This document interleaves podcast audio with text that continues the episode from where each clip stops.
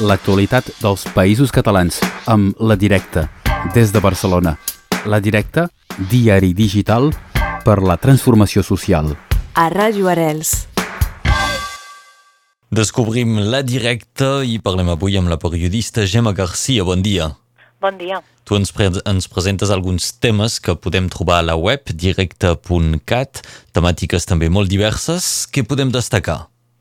Doncs mira, destaquem un reportatge que va obrir ahir a la nostra edició digital, un reportatge que es titula Els Mossos, al punt de mira, què implica revisar el model policial, i és un vídeo, un reportatge escrit i audiovisual que reflexiona sobre quin model policial tenim, quins accessos policials es produeixen i s'han produït recentment durant les mobilitzacions específicament contra l'empresonament del raper Pablo Hasél, específicament a, a Catalunya, i una sèrie de veus d'organitzacions, fins i tot el síndic de greuges, però també persones expertes que han treballat en la matèria de model de seguretat públic reflexionen sobre quines són les claus que, que, caldria, que caldria tenir en compte i quines mesures caldria implementar per canviar aquest model d'ordre públic i policial.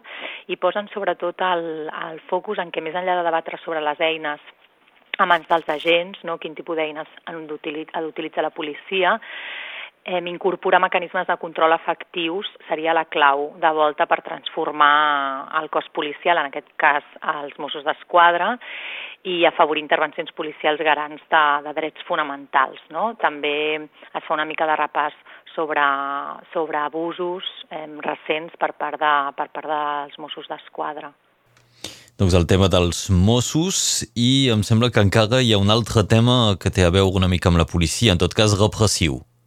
Exacte, hi ha un altre tema repressiu i és que aquest cap de setmana hi ha hagut un acte polític a Figueres precisament per, per posar en evidència i visibilitzar les més de 300 persones investigades pels talls que va haver-hi a diferents autopistes i carreteres del país quan es va conèixer la sentència del procés, la tardor del 2019. Com recordeu, es van organitzar talls, com deia, a diverses vies i per aquests talls precisament hi ha moltes persones, moltíssimes persones investigades, especialment um, sobre el tall de la Junquera, que va ser convocat per Tsunami Democràtic, i des del setembre hi ha hagut un degoteig de citacions no, de diferents jutjats que acusen aquestes persones de desordres públics i danys i precisament aquest acte pretenia visibilitzar-les. Nosaltres hem publicat un article explicant una mica quin, quins són aquests casos, donant veu a una d'aquestes persones represaliades, també recordant que les 12 persones que van ser detingudes sota administració francesa aleshores, doncs aquesta causa ha quedat arxivada i de fet des de les organitzacions diverses com eh, Malta Solidària, però també Òmnium, l'Assemblea Nacional Catalana i els CDRs doncs, es demana que s'arxivi en aquesta línia no? de no poder atribuir els delictes concrets a les persones, per tant s'està reclamant aquest arxivament de totes les causes. Però fem un repàs doncs, de quines són aquestes causes i de fet podreu trobar també una infografia que desglossa el número de persones encausades, el tall de la Junquera, eh, el tall de sal, de la P7 a sal, a la P7 Aldea i també a la N340 en posta. Per tant, podeu dimensionar una mica doncs, tota aquesta repressió que coeja, que coeja encara. Sí, perquè dit així pot semblar eh, complicat no? fer-se una idea de la dimensió que va tenir mm. tot això. Aquí doncs sí que agafeu números i, i queda eh, en constància doncs, a, aquí en aquest article. Exacte, en aquest article doncs, veureu una mica la dimensió, també quantes persones van ser encausades en, ca en cada un dels talls, de quina forma, sota quines acusacions, no? i també una mica les conseqüències que està tenint això per les persones represaliades, que fins i tot s'han hagut de desplaçar bastants quilòmetres per declarar, no? perquè, com sabeu, hi ha molta gent de diferents punts del territori que es va desplaçar especialment al tall de la Junquera i, per tant, potser hi ha gent de Terres de l'Ebre que ha hagut d'anar als jutjats de Figueres no? A, a, declarar, malgrat situació de, de Covid i de, no, de, de restriccions en la mobilitat. Sí, sí, sí. Donc sí, una situació complicada per als qui van tenir uh, aquests problemes amb la justícia. Més detalls a través d'aquest article de la Directa. I parlem de l'epidèmia de Covid-19 i un reportatge sobre com això ha afectat les dones.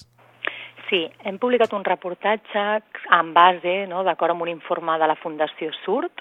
És un informe que es diu l'impacte en les dones de la crisi econòmica derivada de la pandèmia de la Covid-19 i posem en aquest reportatge de manifest que les dones, les persones migrades i les joves són els col·lectius més afectats per la crisi econòmica derivada d'aquesta pandèmia, no? que d'alguna forma ha comportat un augment de la feminització de la pobresa i les cures, així com també important dels problemes de, de salut mental. En el reportatge veureu una mica que, que l'informe i el text doncs, posen en evidència que aquesta evolució no s'explica pel fet que les dones estan sobrerepresentades en alguns dels sectors que es van veure forçats a tancar a l'inici de la pandèmia i que segueixen precisament colpejats per les restriccions de les onades posteriors, no? com pot ser el turisme o l'hostaleria. No? Per tant, no? aquí ajuntem temes de, de precarietat vinculat a temes de, de, de feminització de, de, de sectors determinats i, per tant, com tot això afecta a les condicions econòmiques però també a les condicions de salut. Per tant, és interessant no? veure com, com hi ha molts elements, molts factors que es toquen i que s'influencien uns als altres i que sobretot hi ha un rostre eh, específicament de dona, de persona migrada i de jove. Mm -hmm. Doncs un altre dels articles que podeu trobar a la pàgina web directe.cat. Sobre el tema de les dones, la directa anava fent un recompte dels feminicidis que hi havia al país des de l'inici de l'any. És quelcom que seguiu fent?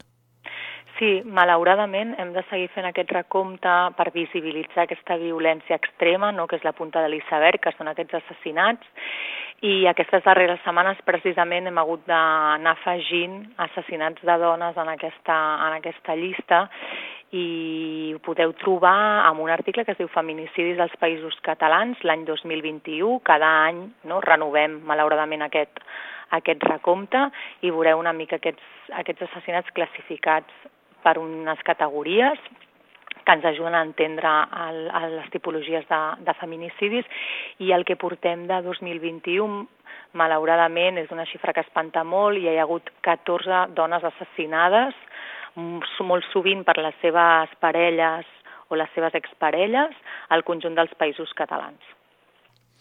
Doncs aquest trist recompte és el que feu des de la directa per informar els vostres lectors i tothom qui ho pugui consultar a través de la pàgina web directe.cat, un, un treball que com, neu, com, com l'aneu fent aquest recompte?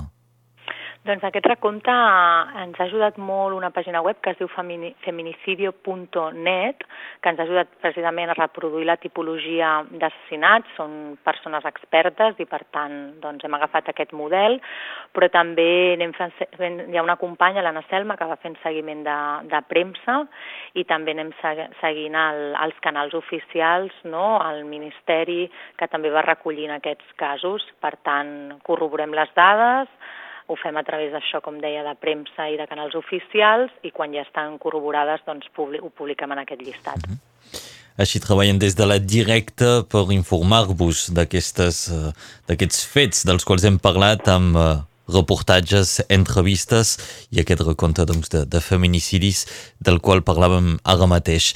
Gemma Garcia, moltes gràcies i com cada setmana doncs, ens retrobarem dijous vinent per una nova cita amb la directa. Gràcies.